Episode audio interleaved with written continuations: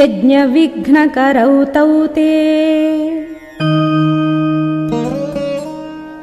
नैव दास्यामि पुत्रकम्। मारीचश्च सुबाहुश्च। वीर्यवन्तौ सुशिक्षितौ।